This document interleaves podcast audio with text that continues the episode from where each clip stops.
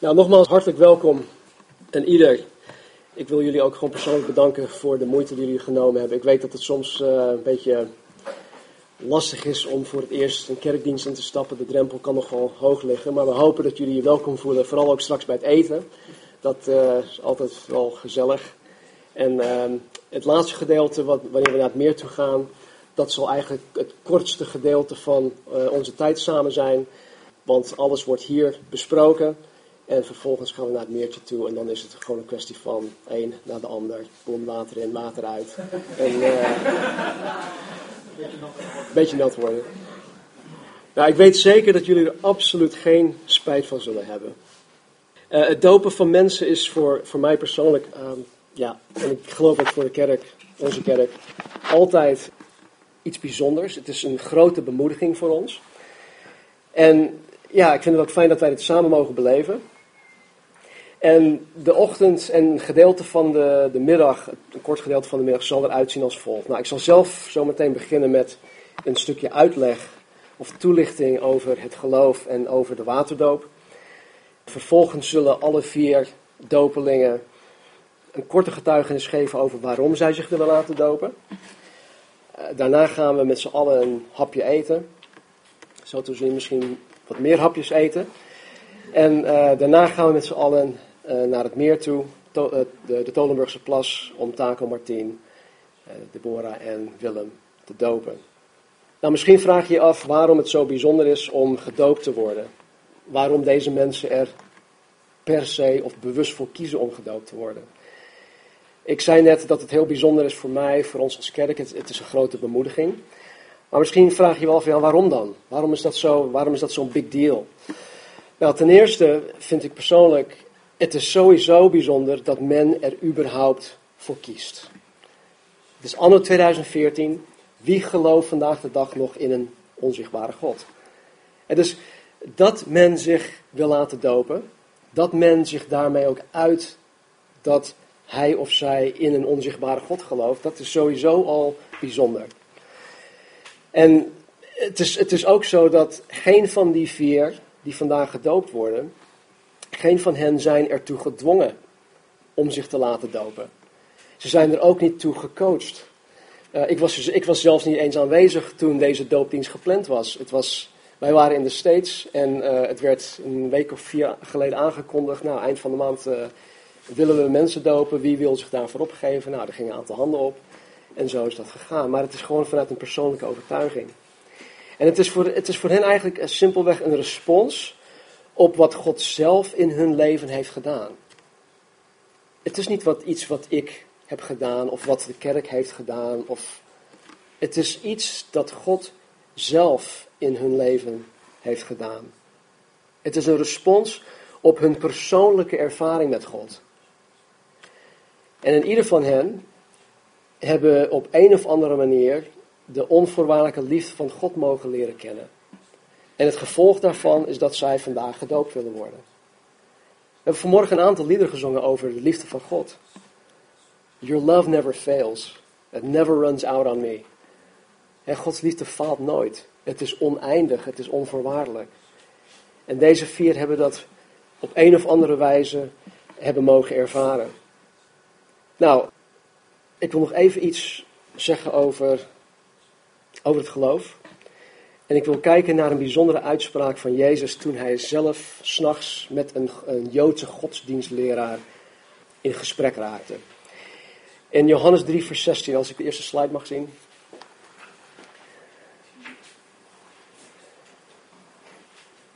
Staat. Nou, ik zal het even voorlezen. Want zo lief heeft God de wereld gehad dat hij zijn enige geboren zoon gegeven heeft, opdat ieder die in hem gelooft niet verloren gaat, maar eeuwig leven heeft. Nou, we kunnen het heel persoonlijk maken. In de tweede slide staat het zo. Want zo lief heeft God Taco, Martin, Deborah en Willem gehad, dat hij zijn enige geboren zoon gegeven heeft, opdat ieder die in hem gelooft niet verloren gaat, maar eeuwig leven heeft. Sterker nog, op slide 3 want zo lief heeft God jou, zo lief heeft God u gehad. Dat hij zijn enige geboren zoon gegeven heeft, opdat ieder die in hem gelooft niet verloren gaat, maar eeuwig leven heeft. God heeft mij, God heeft u, God heeft jou onvoorwaardelijk lief. En voor de mens is dat eigenlijk niet te bevatten. Want wij stellen aan liefde stellen wij altijd bepaalde voorwaarden. In het Engels zeggen we, you scratch my back, I'll scratch your back. Maar God is niet zo. Hij zegt, ik heb jou lief, no matter what. Het maakt niet uit wie je bent, wat je gedaan hebt, hoe je momenteel in het leven staat. Ik heb jou lief en het is mijn keus om jou onvoorwaardelijk lief te hebben. En omdat hij ons onvoorwaardelijk lief heeft, heeft God radicale maatregelen getroffen om ons het eeuwig leven te geven. God is zo radicaal geweest om ons te redden van het, wat hier ook staat in Johannes 3:16, van het verloren gaan, dat hij Jezus Christus gegeven heeft voor mijn, om, voor mijn zonde, voor onze zonde, waar wij eigenlijk zelf voor moeten boeten. Volgens Gods gerechtigheid moet de zonde gestraft worden. Maar in plaats van dat ik mijn eigen straf zelf op me neem, heeft Jezus mijn straf op zich genomen. En dat is het goede nieuws. Daarom heet het goede nieuws ook het evangelie. Jezus heeft mijn straf op zich genomen en is in mijn plaats heel, ja, misschien is dat heel uh, grafisch gezegd, maar hij is in mijn plaats geëxecuteerd aan het kruis. Ik ben tot het besef gekomen door de Bijbel te lezen. Ik ben tot het besef gekomen door samen met God op weg te gaan dat ik door mijn zondige natuur eigenlijk wat de Bijbel zegt de doodstraf waardig ben. En Jezus zei op een gegeven moment, hey, even wachten, time out. Ik ben voor jou in de plaats gestorven. Ik neem die straf op mij en ik zal voor jou de doodstraf op me nemen. Jij hoeft dat niet meer te doen. En ieder die, dus, die dit gelooft, dat wil zeggen dat men zichzelf echt radicaal toe, overgeeft en toewijdt aan Christus, voor wat hij voor hen gedaan heeft, die persoon ontvangt eeuwig leven. Het is een cadeau. Het kost je niks om christen te worden. Maar het kost je alles om christen te zijn. Nou, als het eeuwig leven alleen maar betekent dat het leven zoals wij het nu kennen eindeloos doorgaat, dan hoeft dat voor mij niet. En we laten eerlijk zijn, het leven hier op aarde is gewoon moeilijk. We hebben, allemaal te maken met, met lichamelijke klachten, we hebben te maken met ellende, problemen in ons huwelijk, in onze gezinnen. En als dat gewoon voor eeuwig moet doorgaan, nou dan, dan pas ik daarvoor. Dus het, is, het is eigenlijk niet zo. Gelukkig betekent het eeuwig leven veel meer dan dat het alleen maar eindeloos doorgaat. En Jezus legt dat uit. Even later, na dit gesprek met die Joodse godsdienstleraar, gebeurde er een aantal dingen. En zo'n twee jaar later stond Jezus op het punt om gearresteerd te worden. Uiteindelijk gemarteld te worden. Of vervolgens gemarteld te worden en uiteindelijk gekruisigd te worden. En net voordat hij gearresteerd werd, was hij in de hof van Gethsemane en hij was daar aan het bidden. Hij was met God de Vader in gesprek. En in, in, dat, in dat gebed, of tijdens dat gebed, zei hij dit over, over zijn apostelen, hè, de elf die met hem waren. En vervolgens sprak hij ook over mij, over ons, die anno 2014 tot geloof zouden gaan komen. En hij zegt dit, hij zegt, Vader, dit is het eeuwig leven, dat zij u kennen, de enige waarachtige God en Jezus Christus die u gezonden hebt. Dus Jezus zegt tegen, tegen deze, in Johannes 3,16 zegt hij, en ieder die gelooft zal eeuwig leven hebben. En nu legt Jezus uit wat dat eeuwig leven is. Hij zegt, eeuwig leven is dat zij u kennen. Naast het feit dat het eeuwig leven nooit ophoudt, stelt Jezus het eeuwig leven gelijk aan het kennen, oftewel het leren kennen van God. Het leren kennen van God, het leren kennen van Jezus Christus. Eeuwig leven is gelijk aan het leren kennen van wie God is. Nou, het woord in de grondtekst voor kennen is een werkwoord. En het betekent dus leren kennen of komen te weten of komen te begrijpen. Dus Jezus zegt hier, het eeuwig leven is een proces waardoor wij God leren kennen. En het is niet dat het van de ene dag op de andere dag is dat, hé, hey, ik ken God nu. Nee, het is een proces. Je wandelt samen met elkaar, je gaat een relatie aan. Net alsof je eh, ineens iemand ontmoet, je bent single en je ontmoet iemand en je, je, je gaat een relatie aan met die persoon. Je gaat dagelijks met die persoon om. Je leert die persoon kennen. En zo is dat ook met God. En Jezus zegt hiermee dat een ieder die in hem gelooft, door God zelf in staat wordt gesteld om hem en God de Vader persoonlijk te leren kennen. Het is dus niet iets wat wij zelf kunnen. God moet het ons geven. God moet ons in staat stellen om hem te leren kennen. En nogmaals, het kennen van iemand spreekt van een relatie. En in dit geval spreekt het van een persoonlijke relatie met God Almachtig. Nogmaals, niet te bevatten. Hoe kan een nietig mens zoals ik een relatie aanknopen met God Almachtig?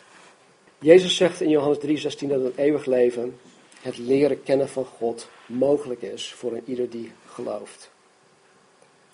Nou, om God persoonlijk te leren kennen, om een persoonlijke en intieme relatie met Hem aan te gaan, moeten wij een aantal zaken geloven. Moeten wij een aantal zaken geloven over God. Ten eerste moeten we toegeven dat we zondaar zijn. En dat klinkt zo zwaar, weet je. Toen ik voor het eerst hoorde dat, dat iemand had mij verteld, oh, weet, je, weet je, jij bent een zondaar. Dat, dat, dat klinkt zo hard. Zeg dan gewoon, ja, je bent iemand die fouten maakt. Of je bent geen, onvolma je bent geen volmaakt mens. Hè? Je bent maar mens. Je bent mens van vlees en bloed. Maar zondaar, dat is, dat is veel te hard. Maar een zondaar is, is simpelweg iemand die de maatstaf van God niet heeft gehaald. Als God volmaaktheid en perfectionisme vereist. En als ik maar één fout maak, dan ben ik al. Dan, heb, ja, dan, dan ben ik eigenlijk al niet meer volmaakt. Dan heb ik die, die maatstaf van God niet gehaald. En, en zo ziet God dat. En stel dat ik honderd pijlen heb die ik in, een, uh, in de roos moet schieten. Sorry, Roos. 100 pijlen. En ik vol moed, pang, nou, 99 gaan erin. En eentje zit er een uh, centimeter naast. Als dat Gods maatstaf is, is 100 pijlen in de roos, dan heb ik het al niet, niet, niet gehaald. En, en heb je ooit een leugen verteld? Heb je ooit een, een, een nare, nare gedachte over iemand gehad? Heb je ooit iets gestolen? Heb je ooit iets dit? We hebben dat allemaal gedaan. En, en daarom zegt de Bijbel, alle hebben gezondigd en missen daardoor de heerlijkheid van God. Dus dat is één. We moeten erkennen dat Jezus de enige is die in staat is om ons te verlossen en te vergeven van deze zonde. We moeten geloven dat Jezus in onze plaats voor onze zonde aan het kruis is gestorven. Want de Bijbel zegt in, um, in Efeze, in Jezus Christus hebben wij de verlossing door zijn bloed. De vergeving van de zonde dankzij zijn rijke genade. En we moeten ons ook bekeren. Dat is ook weer zo'n zwaar woord. Je moet je bekeren. Het is simpelweg dat wij ons moeten afwenden van het, in niet, van het niet in God te willen geloven tot het wel in God te willen geloven. Het is allemaal niet zo zwaar. Als ik mijn eerste 26 levensjaren wilde ik absoluut niet in God geloven. Vraag het maar aan mijn vrouw, vraag het aan mijn broers. Ik wilde niet in God geloven. Tot ik tot bekering kwam. En die bekering was gewoon voor mij hier tussen mijn oren, maar ook in mijn hart. Ik ging van het niet in God willen geloven tot het wel in God willen geloven. En in plaats van dat ik God de rug toekeerde, keerde ik me om. Ik bekeerde mij juist tot God. Zo simpel is dat. Het betekent dat we van gedachten veranderen over wie God daadwerkelijk is en hoe Hij in elkaar steekt. Ik denk dat we allemaal een, bepaalde, een bepaald beeld hebben van wie God is. En de Bijbel leert ons juist hoe Hij daadwerkelijk is. En daarom moeten wij ons bekeren van ons eigen beeld van God tot een Bijbels beeld van God. Nou, het is niet zo dat wij ons aan een formule moeten houden om het eeuwig leven te krijgen. Het is ook niet zo dat wij ons aan een hele lijst van geboden en verboden moeten houden om God te leren kennen. God vraagt simpelweg van ons om ons hart voor Hem open te stellen. Om ons hart voor Hem open te stellen, zodat Hij zich aan ons kenbaar kan maken. De reden waarom God zich niet kenbaar kan maken aan mij, is omdat ik het, tegen, omdat ik het zelf tegenhoud. Maar zodra ik mijn hart voor God openstel, dan zal God zichzelf aan mij openbaren. En weet je, regelmatig zeggen mensen tegen God: God, ik geloof niet in u. Ik wil het eigenlijk wel, maar ik kan het niet. Ik snap het eigenlijk helemaal niet, maar ik wil het wel proberen. Laat mij u zien. Of oh, eh, doe iets zodat ik kan, kan gaan geloven. En als je dat in alle oprechtheid doet, dan zal God zich kenbaar maken. De Bijbel zegt ook: wie mij ernstig zoekt, zal mij vinden. God is echt liefdevol. En op het moment dat je, dat je aantoont van ik wil, ik wil het proberen, dan komt hij je daarin tegemoet. Nou, nu hebben Taco, Martien, Deborah en Willem stuk voor stuk een eigen verhaal over hoe zij God hebben leren kennen. En daar willen wij vanmorgen iets over, of daar willen zij vanmorgen iets over vertellen. Het is hun persoonlijke overtuiging dat hen ertoe beweegt om zich te laten dopen. Het is hun overtuiging. De waterdoop is een keuze. Ik ben als, als jongetje, ik denk dat ik een jaar of vijf of zes was, in de protestantse kerk in uh, Valkenburg gedoopt. Ik heb dat doopcertificaatje nog. Ik werd besprenkeld. Was dat mijn keus? Nee. Mijn ouders moesten per se. Maar nu, nu heb ik de vrije keus om me wel of niet te laten dopen. En deze vrije keus nemen de vier doperingen vandaag zelf. Het is een keuze en het is uit gehoorzaamheid aan Gods woord, de Bijbel, om je te laten dopen.